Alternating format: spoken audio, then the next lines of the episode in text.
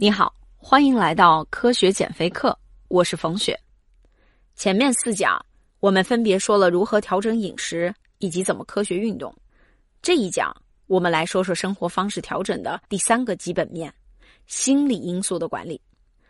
这样，生活方式管理的三个基本面——饮食、运动和心理，就完整的交付给你了，你就可以全面调整自己的生活方式了。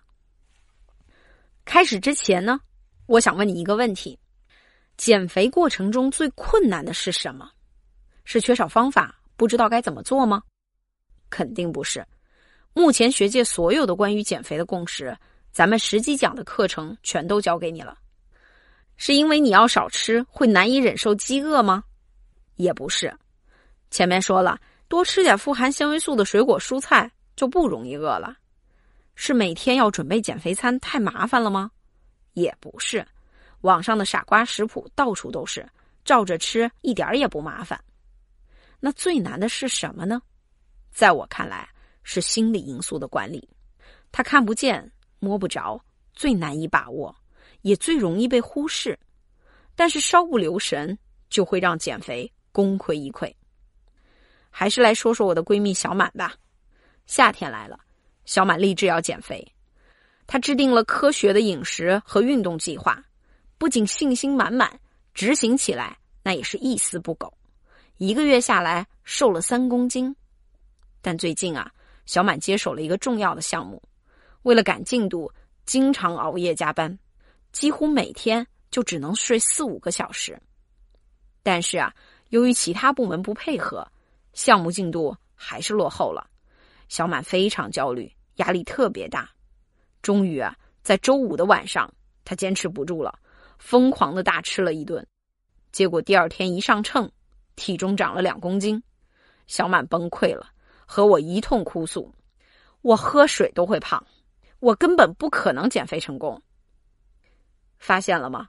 心理因素就是我们的能量场，心理因素管理的好，我们的内心就会非常充盈，充满能量，管住嘴，迈开腿，那都不是事儿。要是心理因素管理不好，马上就没了坚持下去的能量了。你看，小满就是因为没处理好两个心理因素，一个呢是项目推不动，压力非常大；第二个呢是经常熬夜，睡眠全乱了。最终啊，他绷不住了，一顿胡吃海塞之后，一夜回到解放前。没错，压力和睡眠就是减肥路上心理因素的两个主要战场。只有处理好这两个影响因素，才能为减肥扫清障碍。花开两朵，各表一枝。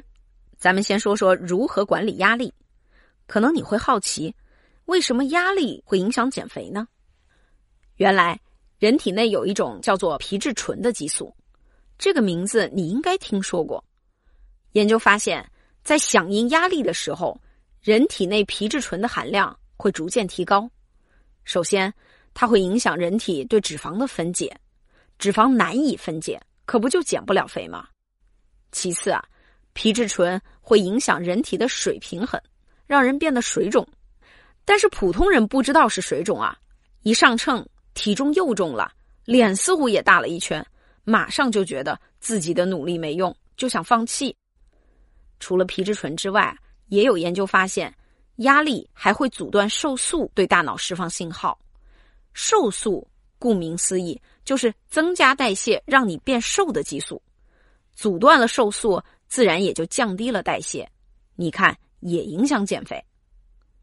当然，身体上的改变倒是其次的，压力最可怕的是，它会改变我们的认知模式。面对体重秤上纹丝不动，甚至蹭蹭反弹的数字，我们会常常陷入“我没有减肥的希望”。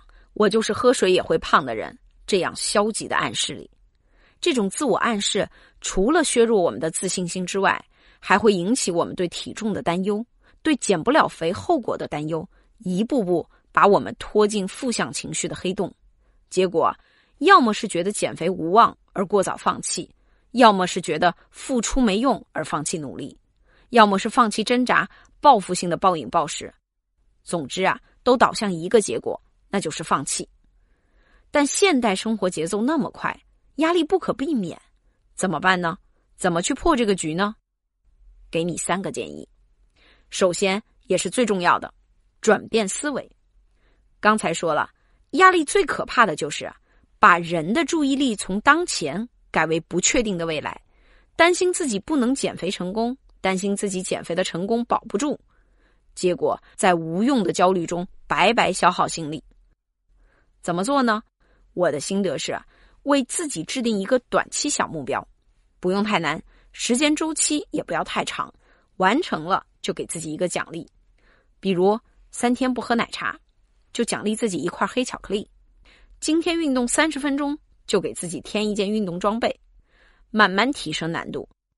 在努力完成小目标的时候，你的关注点就又回到了当下，你就不那么焦虑了。第二个建议呢是自我监测，每天记录自己的体重，给饮食拍照，并且备注上自己的想法。你可能会觉得每天称个体重、拍个照就能把体重变轻了。还真是这样，因为称体重是个非常好的心理暗示，每一次上秤都会在潜意识里引发你对体重的思考，会不自觉的矫正自己的行为。而饮食拍照备注想法呢，主要有两个好处：一是帮你分辨哪些情况可能导致自己做出了不好的饮食选择，比如无聊的时候容易吃零食，难过的时候容易吃饭过量。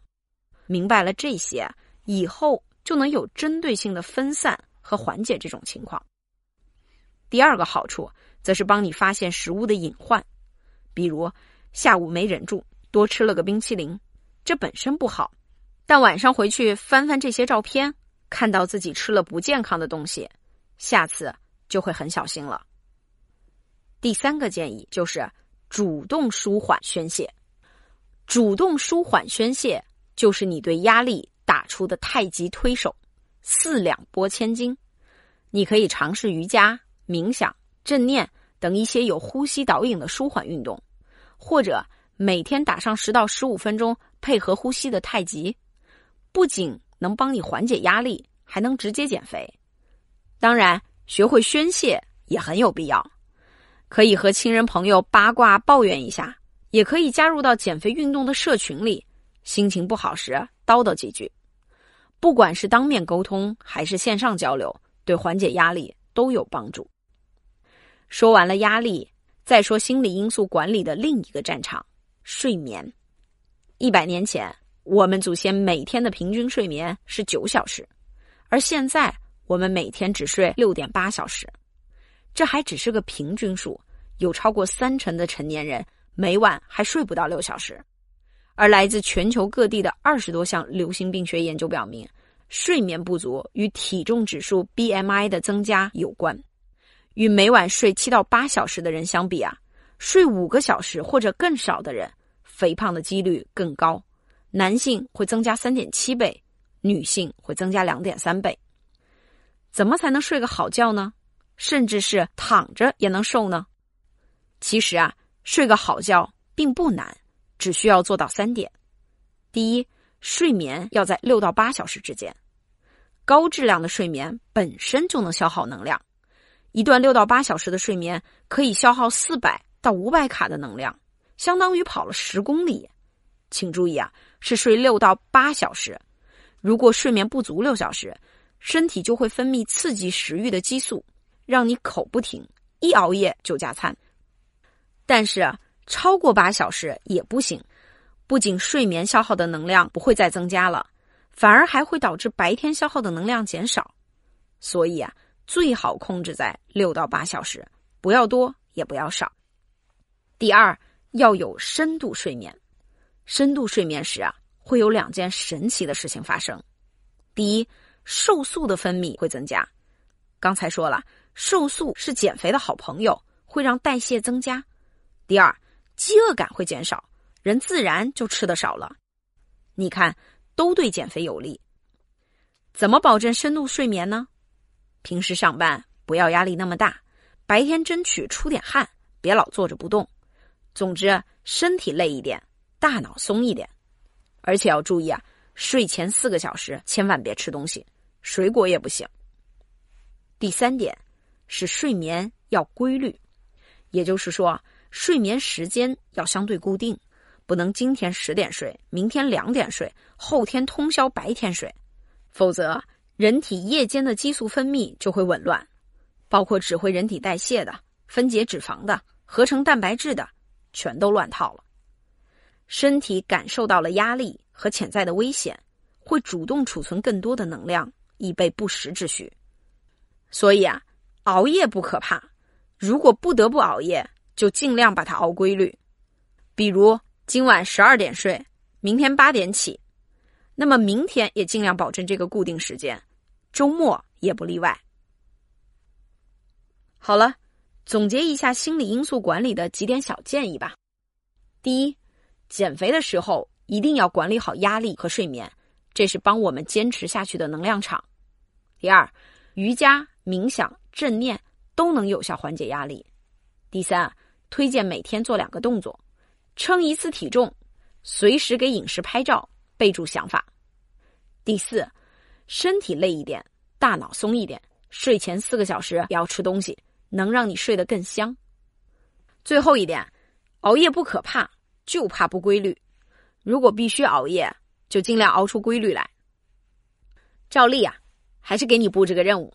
给自己制定一个睡眠计划，晚上几点刷牙，几点睡，几点起床，都确定一下，并且把这个计划贴在你家浴室的镜子上。